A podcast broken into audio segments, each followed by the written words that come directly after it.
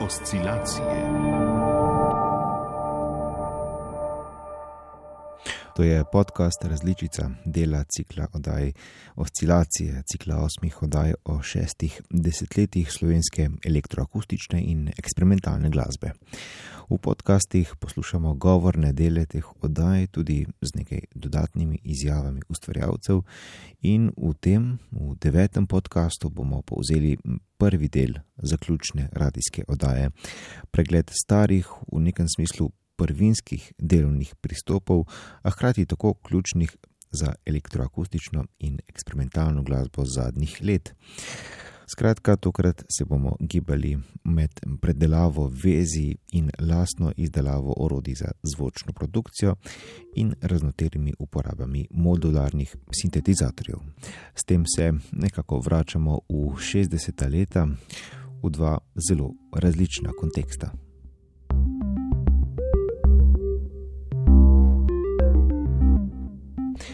Od začetka 60-ih let so po približno desetletju razvoja produkcije zvoka z napetostno krmiljenimi oscilatorji, pri katerih ni bilo težav s pregrevanjem in velikostjo komponent kot pri starejši tehnologiji, predvsem pri podjetjih Roberta Muga in Dona Bukle, zasnovali modularne sintetizatorje, ki so postopno omogočali določeno prožnost, saj so se posamezne naprave, oscilatorji, filtri in modulatorji povezali v en sistem z možnostjo spreminjanja postavitev. Te naprave, module je glasbenik med seboj po želji povezoval, največkrat s kabli. Sploh mugove klaviature zavladajo zvoku 70-ih let. Bukla in ARP sta danes legendarni znamki sintetizatorjev.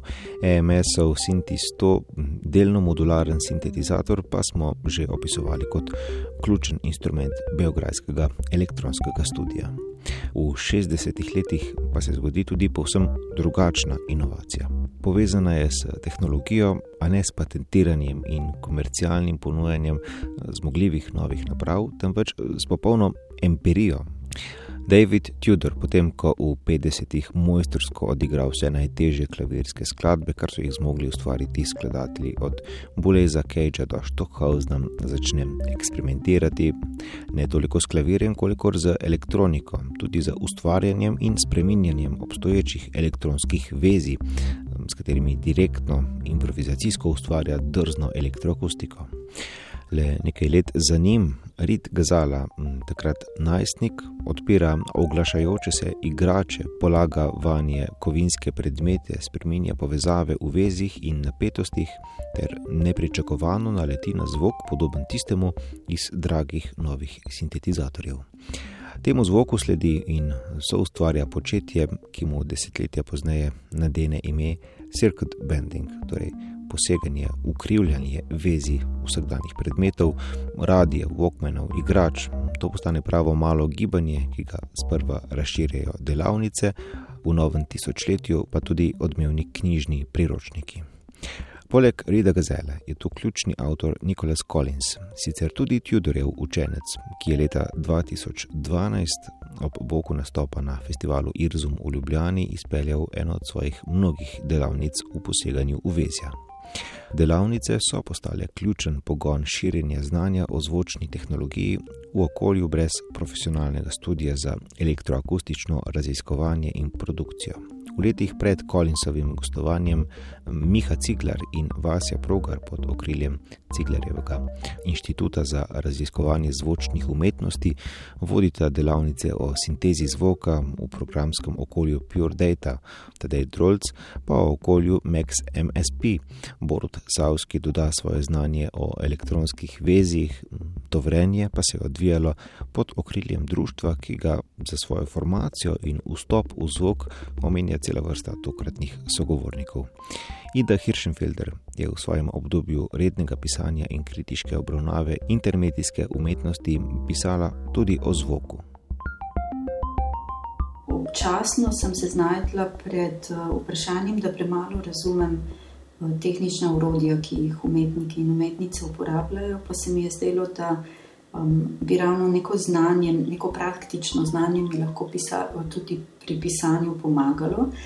Um, in to je bil nekak razlog, da sem šla na prvo delavnico um, fizičnega lotanja, fizičnega umestnika, ki ga je na ljudmi imel Borut Savski leta 2011. S to delavnico se začenja štiriletno delovanje zasedbe Termidi Orkestra, kolektiva izdelovalcev in uporabnikov elektronskih zvočil. Še ena članica, Robertina Šebjanič, prav tako opisuje upetost zasedbe v ponudbo Ljudmile. In recimo nekaj časa sem jaz bila programske vodje na Ljudmili, pol je bila uh, del Termidi Orkestra Tutina uh, Dolinšek, ki je pol prevzela. Uh, vlogo tudi uh, vodja na ljudmi, pa tudi Luka Frelih in tako dalje. Tako da doskrat se je programsko lahko to lepo poklopilo z ljudmi, kjer so organizirali recimo delavnice kakega drugega mojstra v DIY uh, tehnikah, ki smo večinoma šli tja in pač uporabljali tudi njegovega orodja pol znotraj svojih zadev in tako dalje. Ne? V istem letu Staš Vrenko tam prejme pomembne informacije o delu v grafičnem programskem okolju za sintezo in obdelavo zvoka tam je pa recimo res se tako, se mi zdi, pol odprl ta uh, miselen horizont tega, kaj je zvokom možno delati. Ga, pa ne samo, kaj je možno delati, ampak tudi kako ga je možno uh, razumeti. Torej, ni, kako se v bistvu z, z njim kot podatkom v bistvu lahko vse manipulira, recimo na digitalni ravni. Ne.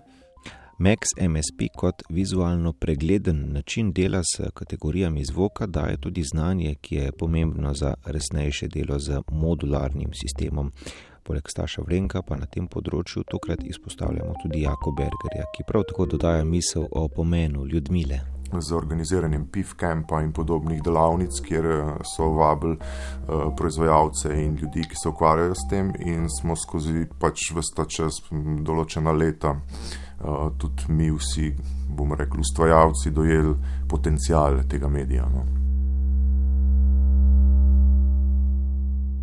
Tere Midi Orkestra je pred desetletjem združil raznolike navdušence nad zvokom, ki so po načelih naredi sam in naredi z drugimi izdelovali lasna zvočila in pri tem uporabljali različne pripomočke, antene, prevodno črnilo, dele dežnikov, žičnate predmete, zračne cevi in staro železo.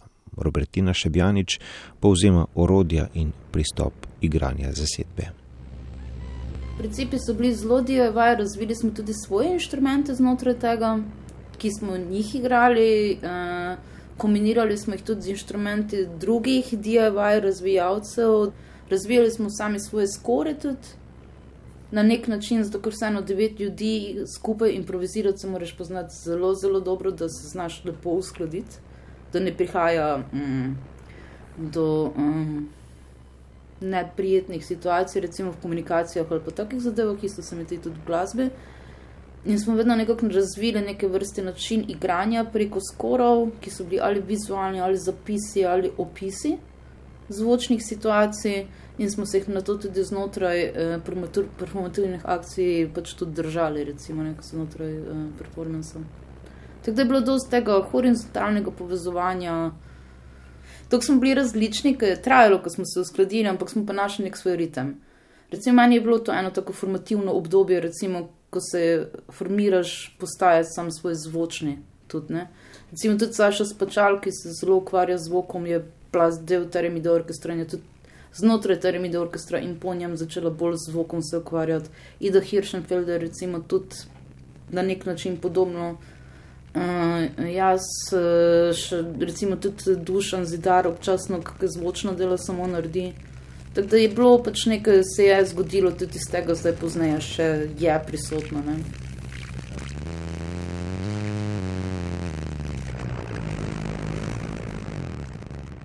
Iz članstva izstopa dvoje. V zasedbi je bilo zelo malo glasbenikov, oziroma vsaj predhodno formiranih glasbenikov in le nekaj zvočnih umetnikov. Večinoma so v ta polje vstopali pozneje, med rednimi člani pa je bila vsaj polovica članic.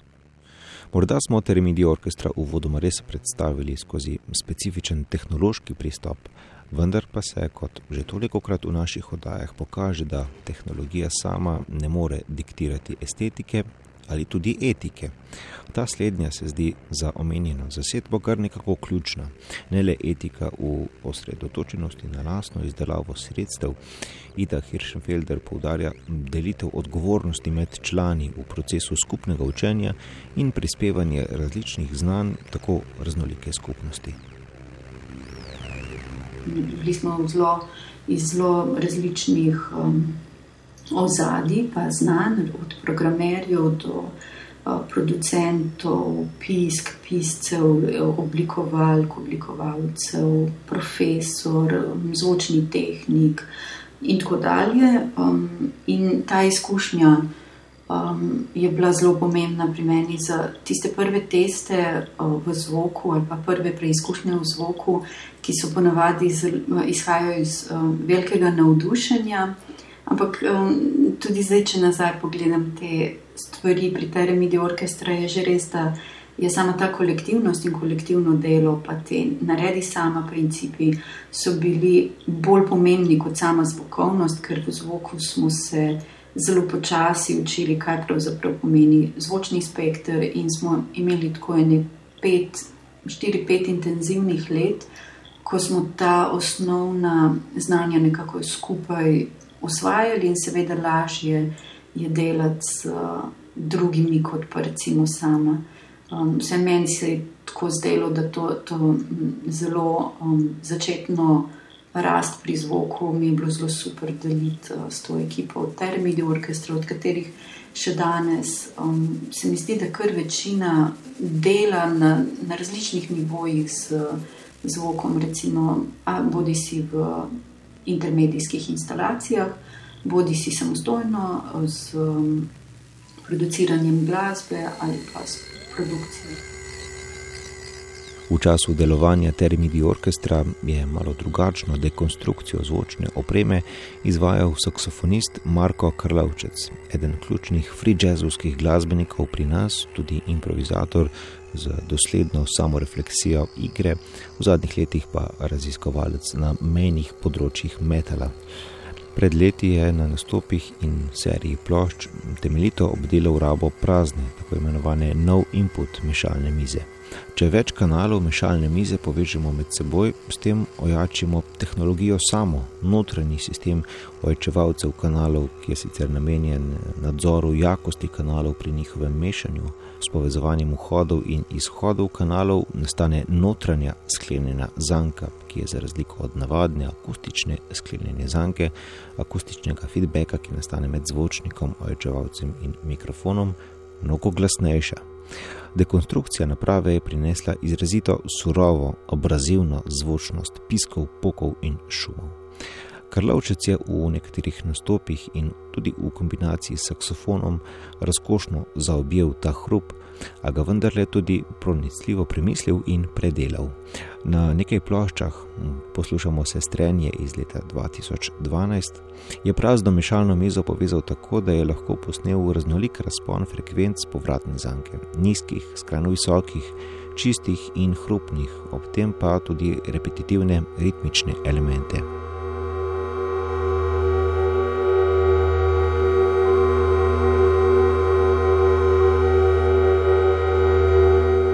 Končni zvočni rezultat je takšen, da na nek način poglablja hrup kot fenomen, a ne na predvidljiv način poseganja po skrajnih amplitudah. Ta hrup pogosto ni glasen, a je kategoričen, je frekvenčno gost, repeticije notranje sklenjene zanke ne zapeljejo v gibanje, ritmiziranje, ampak poslušalca peljejo v zanko samo, v njeno nenehnost, v polnost njenega totalnega ponavljanja. Ali kot o ustvarjalcih hrupa zapiše Salomej Voglen, hrup ne le da zahteva mojo pozornost, ampak jo zgrabi dobesedno do točke, ko izloči vse druge senzorne možnosti.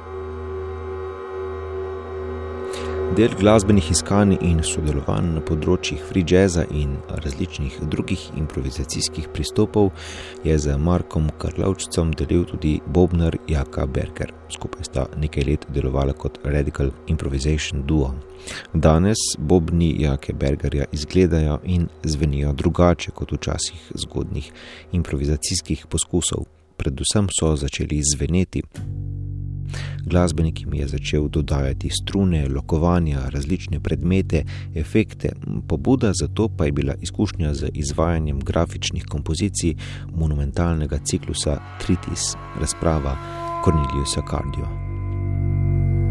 Pač prvič sem v stik stopil s Cornelius Cardiom na delavnici uh, Kitrova v Jakobičevi galeriji.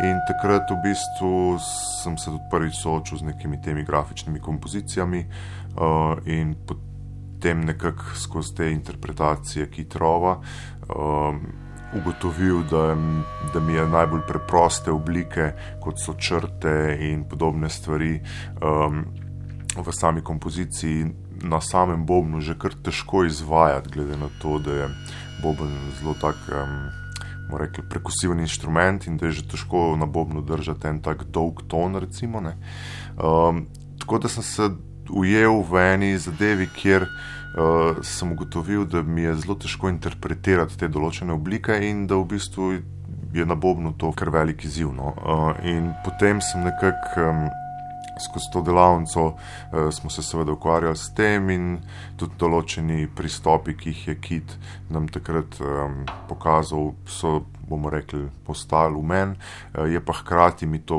uspodbudil zelo eh, to. Eh, Situacijo, kjer sem začel razvijati nek prepariran boben, kjer sem iskati začel, eh, iz Bobna začel iskati um, neke nove pristope, kako bi lahko iz Bobna zvlekel nek nov zvok, drugačen zvok, predvsem pa kako bi lahko na Bobnu ustvaril zvok, čez katerega lahko še vedno igram, eh, se pravi neke plasti eh, in tako naprej.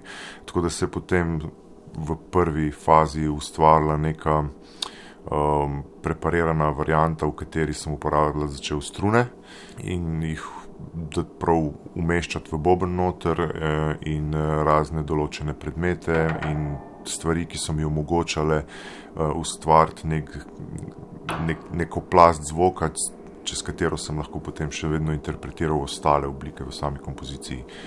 Predtem sem dosti igral žanrsko muziko, pa pač jazz, free jazz, ki je pač, kjer je bobn še zmeraj imel vlogo bobna. Um, ko pa sem se enkrat soočil z uh, Tritisom, je pa prišlo do tega, da um, ja, lahko bi zelo tovkalsko pristopil k tej grafični kompoziciji, ampak dejansko so določene, um, določene grafike v kompoziciji pač izvale v meni tudi to, da, da sem slišal neke druge stvari, ki sem jih potem še vedno skušal interpretirati skozi Bob. Izkušnje s partiturami, ki jih je Kardi ustvarjal med letoma 1963 in 1967, se zdijo kot ledel Bergerjevih soočen z različnimi eksperimentalnimi pristopi iz 60-ih let. Naj bo to free jazzovska igra, ne idiomatska improvizacija, kot jo za nazaj definira Derek Bailey, terensko snemanje, kot ga je v istem desetletju začel izvajati Lik Ferreri ali kateri od drugih pojavov v tem zgodovinskem zaledju. Berger pri tem obračanju poudarja širšo perspektivo iskanja razmerja med naključnim in definiranim, improviziranim in zloženim, kar je bila pogosta točka razmisleka različnih omenjenih zgodovinskih pristopov. Um, na nek način me inspirirajo pač e, muzike iz tega obdobja. Se mi pa zdi še vedno pač pomembno to umestiti v današnji čas, se pravi, da se ne obnašamo kot da smo v nekih 60-ih ali kako koli. Um, ampak hkrati mogoče potegnem nek eh, pristop, nek eh, kompozicijski del, uh, mogoče nek ja, tak tehnični vidik teh muzik, kako so se zgodile, hkrati pa pač ja to umestiti v nek svoj zvočni jezik, svojo interpretacijo. Kar mi je pa najbolj fascinantno v bistvu, prvo sem skupaj, je pa to, kar pač me najbolj, bom rekel, driva, je pa to, kako določene stvari skomponirati na način, da še zmeraj omogočajo nek spontan izraz v trenutku, se pravi eh, del improvizacije, ali pa mm, da ni stvar preveč. Rigidna v tem kontekstu, in da se lahko zgodijo neki nepričakovani momenti, uh, in da je stvar toliko odprta, še vedno, da lahko um, kljub določenim zvočnim rezultatom še zmeraj doživim nek, nekaj novega no, v vsem skupaj. Uh, in tudi v kontekstu tega, ko muziciram solo, recimo v solo kontekstu, da, da je ta improvizacija odprta do te mere, da, da lahko pač se zgodi marsikaj, hkrati pa v kontekstu skupinskega muziciranja z ostalimi glasbeniki, se mi zdi, da še zmeraj najboljš izpade cela stvar, če se lahko vsak posameznik izrazi spontano v trenutku in bo v tem kontekstu tudi najbolj pristen. Tako da um, mi je zelo odgovarjano pač ta neka na pol odprta kompozicija, kjer so določeni do parametri, ampak hkrati lahko vsak posameznik izhaja iz sebe še vedno in pridoda nek svoj zvok. Tako da se mi zdi to kar ključen recept za to, da dobiš spet nekaj unikatnega, ven, eh, ne nekaj, kar smo že slišali.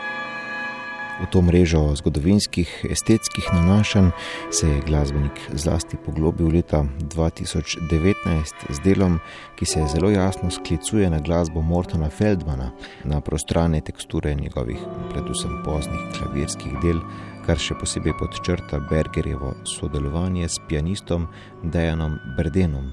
Hkrati se navezava na Feldmana nanaša tudi na pomen tega skladatelja za improvizirano glasbo, saj gre za tistega med newyorškimi skladatelji eksperimentalne glasbe, ki je bil zvočno in idejno posebej blizu zlasti britanskim improvizatorjem. Pomemben sodoben dodatek pa je Bergereva uporaba modularnega sistema modifikacij klavirskega zvena. Kompozicija I'm Dead in, and I'm in Feldman's Heaven je nekako izhajala iz tega, da pač te Feldmanovske skladbe, ki so vedno zelo um, akustično uh, ezoterične, če lahko rečem, imajo full prostora za nek elektronski odziv. In se mi zdi, da prva stvar je, da pač sem provo čim bolj ujet to, kar uh, nekako slišim. V svoji glavi, uh, kar se tiče Feldmana in njegove muzike, in to prenesti v v spet današnji čas. Uh, hkrati pa je vzelo kar nekaj časa, da sem na modularnem sintesajzerju s temi uh, granularnimi samplerji in določenimi specifičnimi efekti ujel zelo točne parametre, kaj želim, da se dogaja uh, v tem elektronskem digitalnem odzivu na, na akustičen klavir.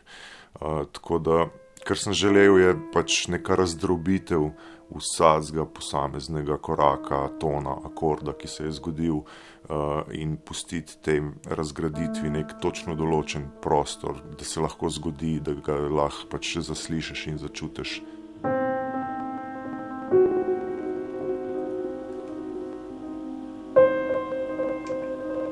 Proces je bil, moram reči, kar zahteven, ker je že trajal uh, kar nekaj časa, da smo se sploh umirili uh, na to točko, da smo lahko uh, eno uro izvajala pač, um, kompozicijo uh, in ostala v tem mirnem, uh, bom rekel, pos, posmrtnem momentu. Um, hkrati pa je lahko delikatnost te kompozicije tudi to blano, da se je zgodilo tudi, da po 40 minutah se krdejan ustavi in reče: Eh, klinc, veš, tale akord je bil preveč jazzine.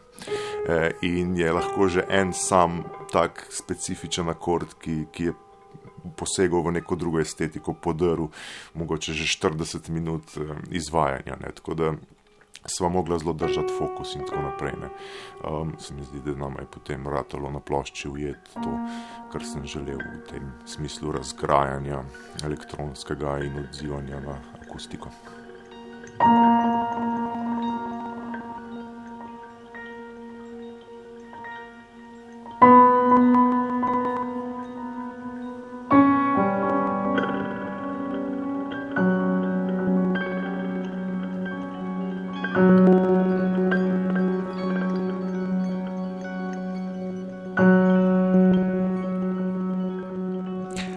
različne zakasnitve, podmevi, transpozicije, filtriranja, granulacije, modulacije in drugi posegi modularnega sistema v instrument, hkrati dodajo nek svoj pogled na zvočno površje, dvigajo bistvo le implicirano v Feldmanovi glasbi. Ta je mirna in tihotna le na površju, statika, izzveni in tihi premavki pri Feldmanu nikoli niso pasivni. V fenomenološkem besednjaku bi rekli, da zveni vselej zvenijo, tišine tišinijo in Bergereva elektroakustična poseganja sodobnega stališča komentirajo to tiho aktivnost Feldmanovskega zvoka. Poslušamo del skladbe I'm Dead and I'm in Feldman's Heaven Jake Bergerja v njegovi izvedbi skupaj z Dejanom Brdenom.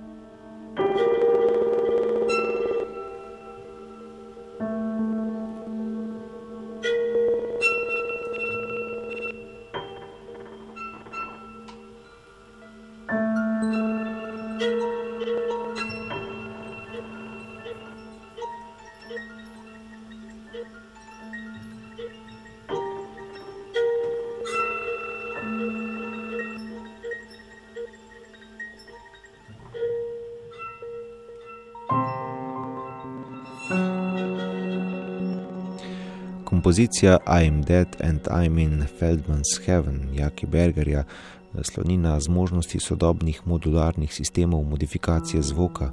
V resnici je njegova uporaba te opreme del njenega širšega razrasta v zadnjih petih letih, razrasta, pri katerem je v slovenskem okolju sodeloval tudi Staš Vrenko, sicer likovnik, interdisciplinaren ustvarjalec, medijski umetnik, glasbenik in oblikovalec elektronskih instrumentov, ki smo ga že spoznavali skozi njegove refleksije, prakse terenskega snemanja in stapljanja najdenega zvoka s sledmi kompozicijskih spraševanj.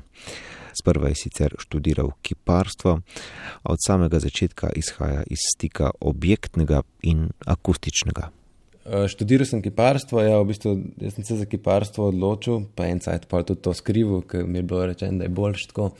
Uh, sem se odločil zato, ker v bistvu sem hotel delati neke, neke akustične inštrumente. No. Nekako že prijem sem se upisal na kiparstvo, sem dol v kleti pri starših eh, vem, razne stvari z vrvmi povezal, pa s fleksarco nekaj izrazval. Ne vem, tak, in v bistvu sem imel neke ideje, kako bi neke čudaške bobne delo in tako naprej. Uh, pač to postoje tle nek ta vpliv uh, tega, kar mi je bilo takrat zanimivo. No? Uh, konc srednje šole, ta nek, uh, ne vem, zgoden industrial ali pa konc koncev, ne vem, nek ta, neke te špore japonskega noiza ali pa tako. Uh, Tako da v bistvu pa sem šel na kiparstvo, eh, pa pač od začetka itak nekak eh, študijski proces pač predvideva neke te eh, klasične mm, naloge, ali kako bi rekel. Pa sem pa v bistvu v popodanskih urah izdeloval neke mehanske inštrumente, kar se je kasneje razvilo v bistvu v kinetične take postavitve, ki so v bistvu imele recimo motorje pa mikrofone, ki so v bistvu vibracije pobirali me nekako zanimala pa ta recipročnost med formo in njenim zvenom, eh, torej njeno estetiko, ki je vizualna, pa na drugi strani ta, ki je zvočna, ne, ki je rezultat direktno te vizualne. In pa sem v bistvu če dalje bolj začel se ukvarjati samo še z elektroniko. No. Nekako tudi te, ta objektnost eh, me je začela bremeniti čist na tem bivanskem nivoju, torej, ki to skladiščeš kako to na dnev, mislim, kako to uporabljaš. Recimo, če hočeš to uporabljati kot inštrument, neko kinetično postavitev, polno nekih uh, varjenih objektov, imaš pač problem, ker pač te zadeve, ne vem, vse moraš prvo kot prvo s kabli povezati, skladiščati. Ne vem, tako je. Sem, vedno bolj se mi je zdel, da, da lahko neke določene koncepte izrazim tudi čisto v formi elektronskih vezi. Ne. Um, preden sem se dovolj naučil, um, recimo, neke osnove elektrotehnike, da sem rado suveren s tem, pač je bil to en tak paralelen razvoj. No? Torej, nekaj objektnega, pa na drugi strani nekaj zelo um, tako. Pač elektronsko vezan, vse je objekt, ne? ampak na en način se ga lahko razume tudi kot pač neko obliko teksta, konc koncev. No? Nek tekst, ki dela, ne? tako kar reče v bistvu tehnologos. Ne? Iz zanimanja za poudarjeno zvočno igro in uporabo kitare, iz spoznanja, da ga bolj kot muziciranje zanima delo z zvokom onkraj instrumenta, iz poskusov izdelovanja svojih lastnih pedalov, je prišel do samostojnega ustvarjanja vezi iz neke širine med terenskim snemanjem, učenjem sinteze zvoka v programu Max MSP in poskusi v smeri izdelave zvočnih skulptur, je Staš Vrenko v zadnjih letih razvil samostojno izdelavo vezi elektronskih glasbil. ja, tekom faksa sem nekako skozi paralelno raziskoval to digitalno, to čisto računalniško, recimo plat uh, sound designa. Um, ali pa po drugi strani, pač, mislim, niti ne nujno sound design v smislu design kot nekaj, kar proizvede produkt, ampak uh, čist neke postopkovnosti so mi le tle zanimive, um, maltretiranja teh oblik vala, bi rekel. No. Uh, da zvok začneš razumeti kot v bistvu ja, dejansko valovanje in z amplitudo in uh, ali kvotami in vsem tem. Mm. Tako da paralelno, pa nekako sem, sem se vrgel tudi v elektroniko, sem imel nekako tudi že malo v mislih, ja, recimo neke te modularnosti. Čeprav je trajal, preden sem recimo pogrunil, kako bi lahko nekako to neke standarde vzpostavil. Uh, in pol pač prvi modularni sint, ki sem ga naredil, je bil v bistvu na te banana jacke, kar ni glih danes ful več pogosto, ampak se da lepo DIY-ati in v bistvu sem počas gradil nek sistem. Neki teh vezi je bilo v bistvu adaptacije z interneta, par jih je bilo pa tudi v bistvu avtorskih nekih, um, v narekov, mislim, više manje. No. Pri elektroniki je treba ved, vedno v neki meri govoriš o ready-made, samo vprašanje je na kakšni ravni. Um, v smislu, da so že konec koncev te building bloke, ki sestavljajo inštrumente, nekak, ali pa konec koncev čipi, no, so že nekaj, kar, kar, kar te predhodi v avtorskem raziskovanju. Ne. Um, s svojimi limitacijami. Tako da nekako, ja, pol, pol sem padel v te luneta, logične sintetizatorje in vem, zdaj v bistvu zadnja leta, skoraj večkrat v bistvu z produciranjem glasbe se v bistvu ukvarjam z oblikovanjem vezi. Leta 2016 je predstavil projekt Veznik, interaktivno zvočno postavitev šestih modularnih sintetizatorjev. Instrumenti, izdelani posebej za ta projekt, izvajalcem omogočajo manipulacijo in ponovno emitiranje zvoka, zajetega prek radijskih sprejemnikov, saj sistem temelji na radijskem frekvenčnem spektru. Glasbeni instrumenti so hkrati nekakšne zvočne skulpture, so del galerijske postavitve, ki pa odpira možnost performativne koncertne forme. Poleg tega sta Švrenko svoje modularne sintetizatorje tudi posoja glasbenikom in širi mrežo njihovega zvoka. Ja, recimo ta galerijska prezentacija je tudi nekaj, kar me zmeraj pač tako uh, matra, mislim, do neke mere je nujna. Ne? Uh, zato, da pač, ker, ker če nimaš uh, fixed media pisa, pač v smislu ne, zvočne kompozicije, pa moraš nekaj drugega razstavljati. Mm, ampak ja, no, itek paralelno, nekako še zmeraj tudi recimo ta vezja in to dojemam kot zelo pač nekaj fizičnega. No, ne vem, nekako nisem recimo veliko digitalnih, virtualnih inštrumentov izdeloval, zato ker vseeno imam eno afiniteto do tega, da so to objekti med objekti, čist nek ta minimalističen uh, podstat mi je zanimiv v smislu tega, da pač ja, no, lahko stvar primeš, ne vem, čist banalno. Um, in tudi malo drugače do nje postopaš, ker je pač materialna, kot pa neki na, na displeju, pa ne da vam do displeja zadržke, sam nekako tudi mogoče tle spet nekaj zelo bivanskega, pač da računalnikom preprosto na odru nikoli nisem zaupal, nisem nikoli imel nekega zelo stabilnega sistema in mm, imam rajš uh, naprave, ki jim lahko zaupam vsaj do neke mere. No. Že takrat, kaotično na odru.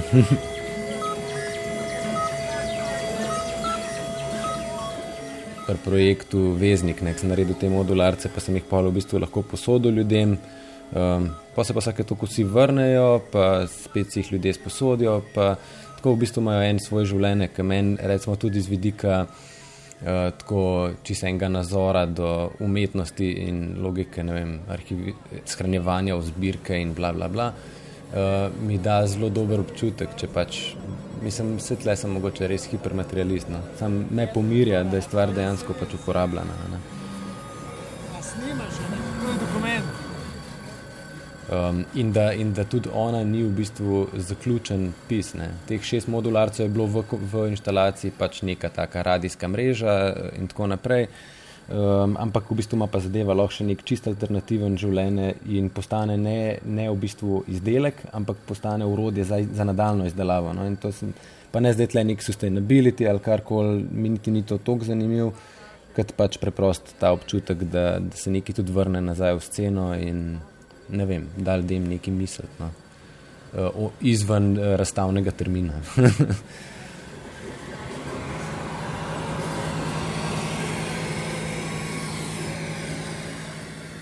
Prehajanje med lastno umetniško raziskavo in povezovanjem s sceno Vrenko zadnje leta prakticira z dejavnostjo, ki je tudi njega samega opremila s ključnimi znanji, z vodenjem delavnic. Uh, recimo zdaj uh, sem tudi z Gregorjem Krpičem v bistvu. Um, furava tele sintetistična srečanja, no, ki so pa v bistvu poskušava ljudi nekako upeljati v sintezo, tako na čistem teoretsko-signalnem eh, nivoju, kot tudi v bistvu na elektronskem. No, se nam zdi nekako pomemben ta moment, da, da se pri elektronski glasbi vse razume, tudi kadar se uporablja virtualne.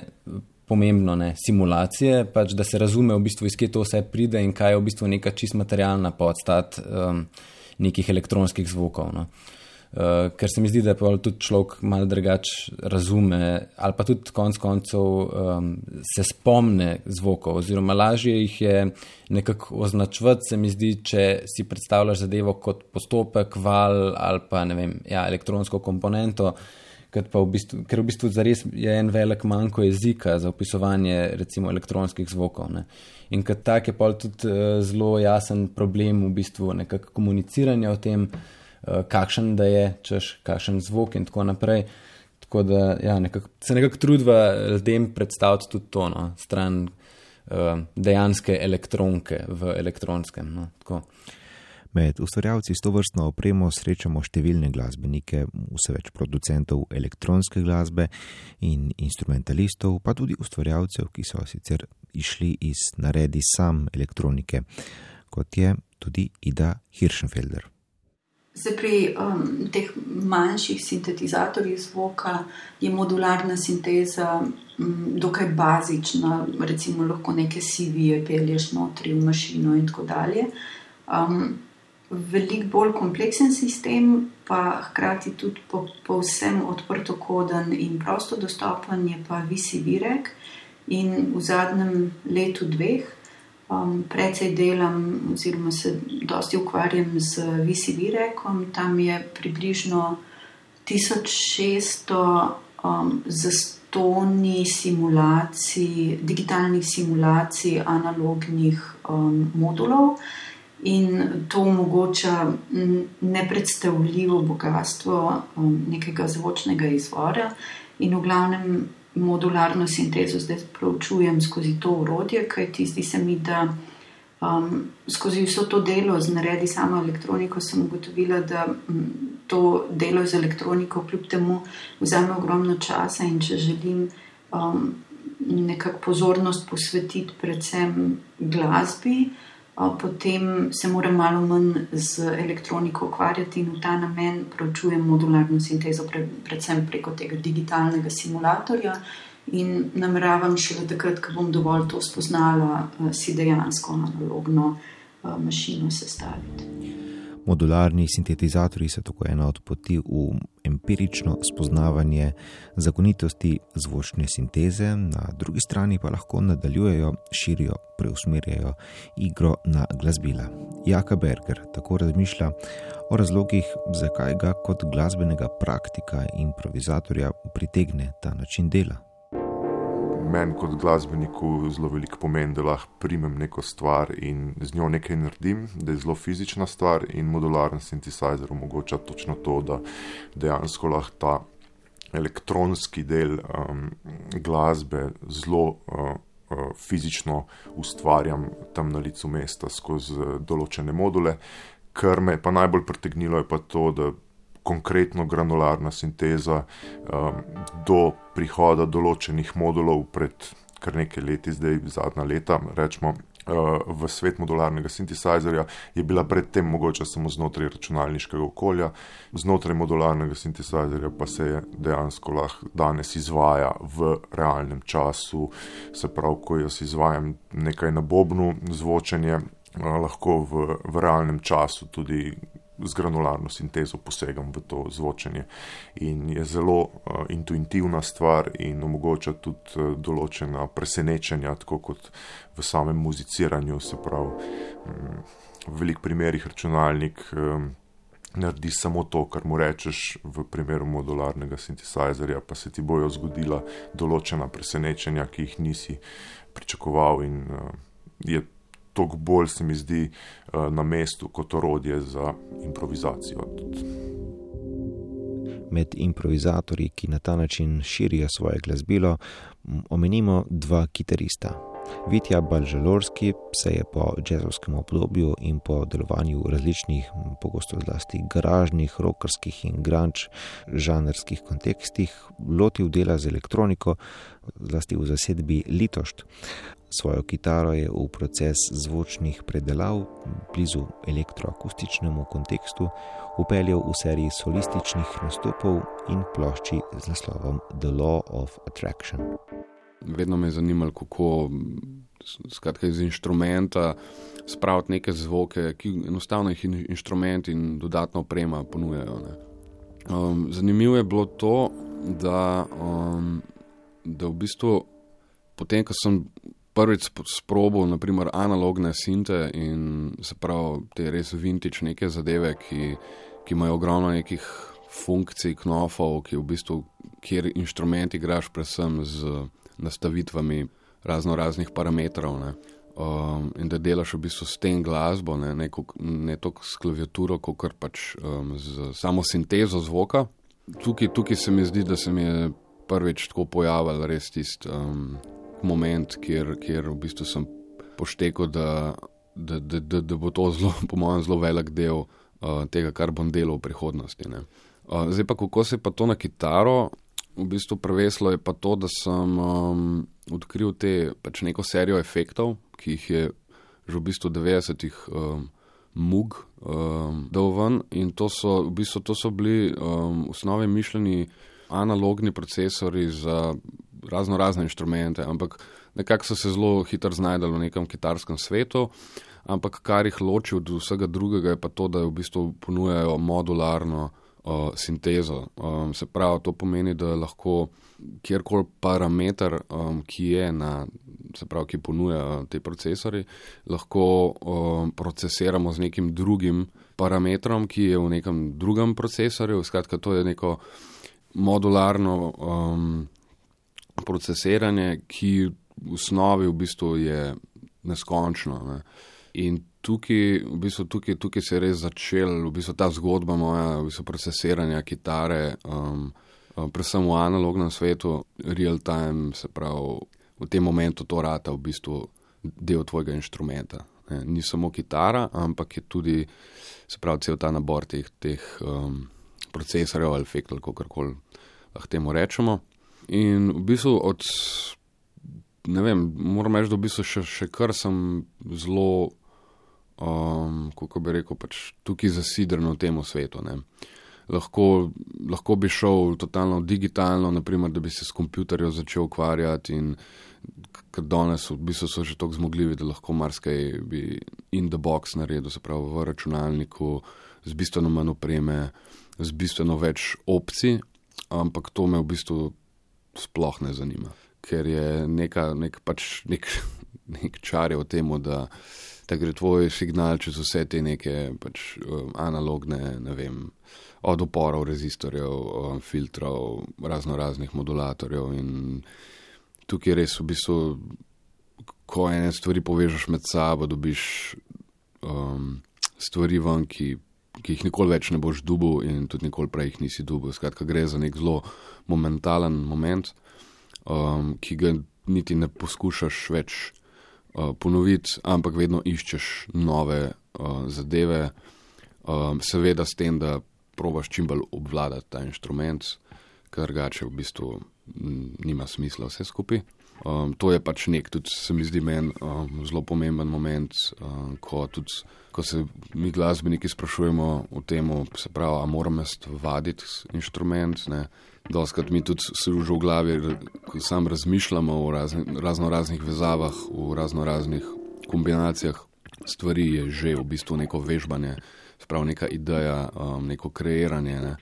Um, pa spoh ne rabimo biti v bistvu točno priklopljeni na inštrument in to delati, ampak je že zelo veliko v bistvu temu, da v glavi to operiramo. Ne?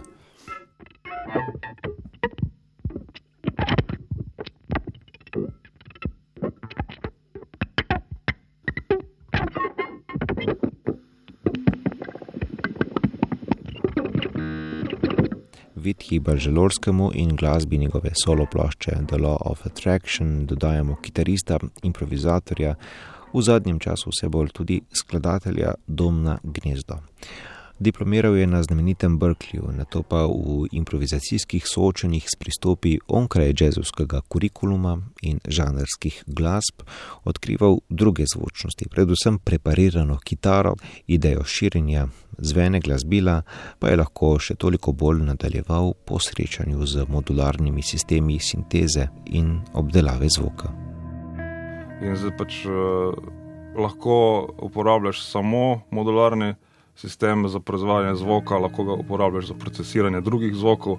Jaz sem se odločil za to opcijo, ker sem uh, primarno kitarist, pa mi je zanimivo, zaradi tega, ker sem lahko s tem uh, dosegel neke zvoke, ki jih no, s kakimi bolj tradicionalnimi kitarskimi efekti ne morem.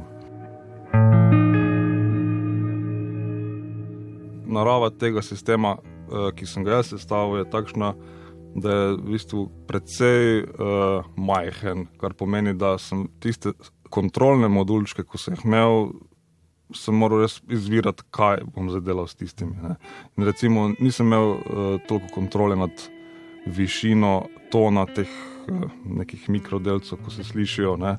bolj uh, generalno, ali bodo ful visoki, ali bodo ful nizki, ne pa zdaj, če bodo točno tisti ton, nek, ko ga pač bližem nekdo, ko je bolj kontrol freak, hotel izbrati.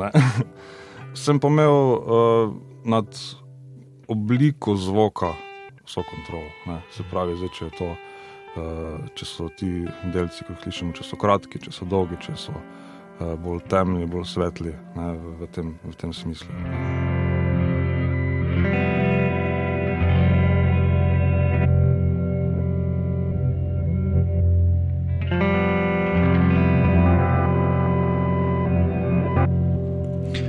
Poslušamo Dom na gnezdo s plošče Miss Nomer številka 2 iz leta 2016, prve izdaje, na kateri je predstavil svoj modularni sistem obdelav kitarskega zvena.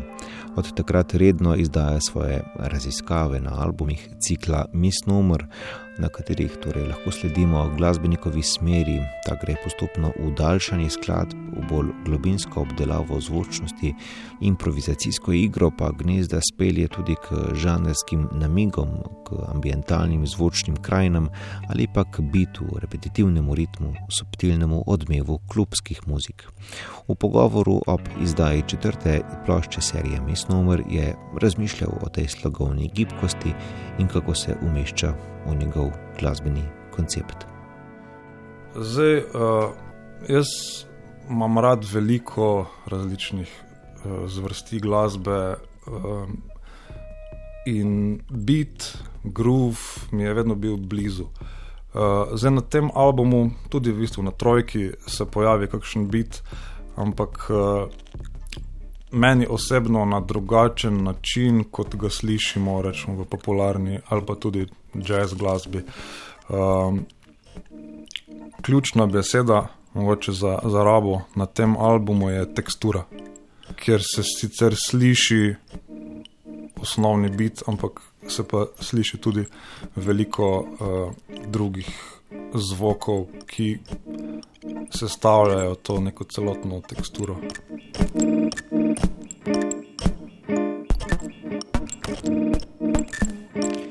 V oscilacijah serije oddaj o šestih desetletjih slovenske elektroakustične in eksperimentalne glasbe smo se tako ozirali po istopajočih ustvarjalnih dejanjih v elektroniki in eksperimentu v današnjem dogajanju modularni sistemi obdelav zvočnega signala in poseganje v elektronska vezja sta smeri, katerima smo sledili v zadnjem desetletju domače elektroakustične produkcije, v zunaj akademskih samoniklih pobudah dela z zvokom, te izvirajo iz dedičine 60-ih let, iz novega pristopa k gradni sintetizatorjev in hkrati iz odločitve, odpiranja vsakdanjih naprav in sprožanja nepredvidljivih elektronskih zvočnosti v njih.